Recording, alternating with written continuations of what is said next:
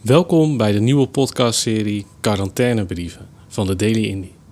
Waarin ik, Ricardo Jupijn, hoofdredacteur van dit platform, op zoek ga naar nieuwe penvrienden in tijden van isolatie en met muzikanten van gedachtenwissel over het leven en hoe zij deze periode ervaren. Ik open deze serie met Lars Kroon, die je mogelijk wel kent van Go Back to the Zoo, Saint-Tropez en zijn nieuwe soloproject Lars and the Magic Mountain. Ik schreef hem de volgende brief in afwachting van zijn reactie. Het is 22 april 2020. Lieve Lars. Serieus, was dit je favoriete brief tot nu toe? Cool. Ja, ik dacht de afgelopen keer, ik zie wel waar het schip gaat stranden. Goed om te horen dat je het leuk vindt als ik de gedachten de vrije loop laat gaan. Ik wist niet zeker of je daarop zat te wachten. Excuses zijn niet nodig, zo was het zeker niet bedoeld. Excuses daarvoor. In het echt en in digitale slash geschreven communicatie kan ik soms nogal bot zijn. Stiekem heb ik het een beetje opgegeven om daar iets aan te doen. Het lukt mij niet. Afijn, bedankt voor je laatste brief en dat je het nog leuk vindt om steeds nog van gedachten te wisselen. En mogelijk nog belangrijker, ik heb jouw album gehoord. En ik kan alleen maar zeggen complimenten. Het is een diverse en toch samenhangende plaat geworden. De sound is kleurrijk en oprecht. Ik heb even meegeschreven en mijn favoriete nummers zijn Invincible en Sea of Thoughts. Als die titels al naar buiten mogen. De laatste is een single, dus die wel natuurlijk.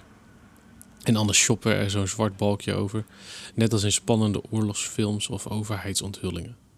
Wat betreft het artikel van Frankfurter, ik denk dat de kern is dat er fundamenteel iets mis is in het systeem. Zoals iemand laatst tegen mij zei: de toiletjuffrouw houdt meer over dan veel artiesten op het podium.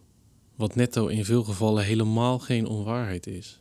Alles moet maar groter en alles en iedereen concurreert elkaar de laan uit. Terwijl een hoop mensen er, blijkt nu nogmaals, niet fatsoenlijk van rond kunnen komen, maar zich allemaal wel een burn-out werken voor een schamel en ontoereikend loontje. Alleen de tribute bands lijken er nog een beetje bij te varen. En alleen maar zodat de zaal vol staat en er weer een beetje budget in de onderlaag kan worden gestopt, die de meeste programmeurs zelf het leukst vinden ook. Dat scheefgegroeide model lijkt ook een beetje het gevolg van al die gigantische nieuwbouwzalen die overal gebouwd zijn door de jaren heen. Als je alleen al ziet wat het kost om het licht aan te doen in sommige zalen, dat is absurd. Vind je het gek dat dan weer de dijk en bluff worden geboekt en ondertussen worden veel plekken als jeugdhonken en kleine podia opgeslokt in grote podia of is er simpelweg geen budget meer voor? Of worden de subsidies zomaar stopgezet in dit niet echt, blijkt nu nogmaals, cultuurminnende land waar we in wonen? Maar hé, hey, er gaan genoeg dingen goed en de infrastructuur is uniek in Nederland. Maar het instapniveau voor de meeste artiesten is veel te hoog. En die springplank daaronder is dus voor een goed deel verdwenen of verdwijnt. Daar ligt een gat en het zou mooi zijn om daar eens goed naar te kijken in deze periode. Maar ook hoe er van al die gigantische budgetten wat meer over kan blijven voor artiesten die in dit model soms onderaan de keten lijken te staan. Terwijl daar gaat het toch om, daar begint alles. Iedereen lijkt wat te verdienen. Van de barmensen, technici tot programmeurs, marketeers, klusjesman op het pand onderhouden en de portier. En de muzikanten zijn blij als ze naar een eindeloze tour hun plaat terug hebben verdiend.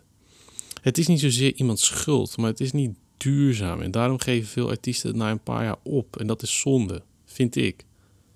Het is natuurlijk maar een deel van de issues, maar toch. Dat is het misschien ook wel wat je zegt. Muziek en creativiteit gaan vaak niet samen met industrie, althans tot een zekere hoogte. Alleen hebben ze elkaar toch nodig en dat zal niet snel veranderen. En kijk, dat zijn nog eens ambities. Een album dat alle albums overbodig maakt. Spotify met maar één album, vooral dat vind ik een mooi beeld. Wat zou dat te gek zijn? Overigens, niet dat ik de ambitie zelf besmuik, want dat is volgens mij wat je na moet streven als je iets maakt. Waarom zou je anders aan beginnen? Ik vond de vergelijking met Reven vooral grappig. Hoe hij dat dan weer verwoordt zoals alleen hij dat kan. En een toffe vraag over wat ik zou doen met een miljoen. Want ik durf eigenlijk niet te dromen over het hebben van geld, aangezien dat toch nooit gaat gebeuren. Maar ik zou jou zeker een beetje van het miljoen geven. En verder zou ik zo snel mogelijk dit land verlaten en ergens in een letterlijk en figuurlijke warme plek gaan wonen en lekker gaan schrijven en luieren. Lijkt mij heerlijk.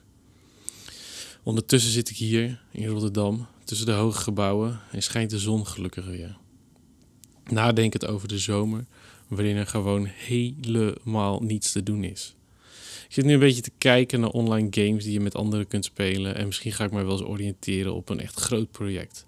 En richting heb ik nog niet echt. Maar na jarenlang meerdere kleinere stukken te hebben geschreven dagelijks, wil ik eens een tijd in een onderwerp leven. Dat lijkt me ook heerlijk. Gaaf trouwens dat je een boekenkast hebt getimmerd. Had je dat al vaker gedaan? In mijn leven heb ik trouwens ook iets ontdekt. En dat is ochtends even koud douchen. Je kunt wel warm beginnen overigens. Maar het levert echt een gigantische energieboost op. De laatste paar dagen doe ik dat nu en ik voel me veel wakkerder. De hele dag. Zelfs toen ik naar bed ging zat ik nog vol energie. Super weird. Misschien is het wel een soort placebo-effect, maar ja, als het werkt. Je moet dan wel echt even terug eh, naar, uh, ja, pak een beet, 20, 25 graden. En dat twee minuten volhouden. Kijk maar even wat je ermee doet. Een ander nieuws trouwens. Ik heb mijn Tozo slash versoepelde bijstand net ontvangen. Natuurlijk kut dat het nodig is, maar het is fijn dat het er is. Aangezien er geen factuur meer de deur uitgaat en de rekeningen gewoon doorlopen. Heb jij al zicht op een baantje, slechts uitkering links of rechts? Verder ben ik lekker bezig met interviews. Zo heb ik Kevin Morby en Waxacity van de week gesproken. Super sick. Lezen. Ik lees nu Chekhov, net Baldwin en Shakespeare uit. Over die laatste gesproken. Ik wil graag een mooi artikel schrijven over Shakespeare. Maar ja, hij is eigenlijk te groot om zo met je vingers aan te branden. En er zijn al bibliotheken volgeschreven over hem. Heb jij nog een leuke insteek die je zo te binnen schiet? Je weet het nooit. Mocht je trouwens nog een leuke film willen zien, op YouTube staat in zijn volledigheid Amakor online. Een film van Fellini. Compleet absurdistisch en waanzinnig humoristisch ook. Ik kijk best veel Italiaanse films, maar het laatste zijn ze zelden. Verder ga ik de komende dagen zoveel mogelijk tot rust komen. Beginnen aan een boek van Piketty, Baksteen. En mogelijk een verrassingsrondje rijden langs ouders en grootouders. En even door het raam zwaaien. En wilde je nou trouwens je brieven gaan typen op de computer? Ik heb anders nog wel een typemachine voor je. En ik laat de vorige twee vragen dan nog even openstaan, aangezien je de brief vorige keer niet had toen je hem aan mij schreef. Liefs, Ricardo.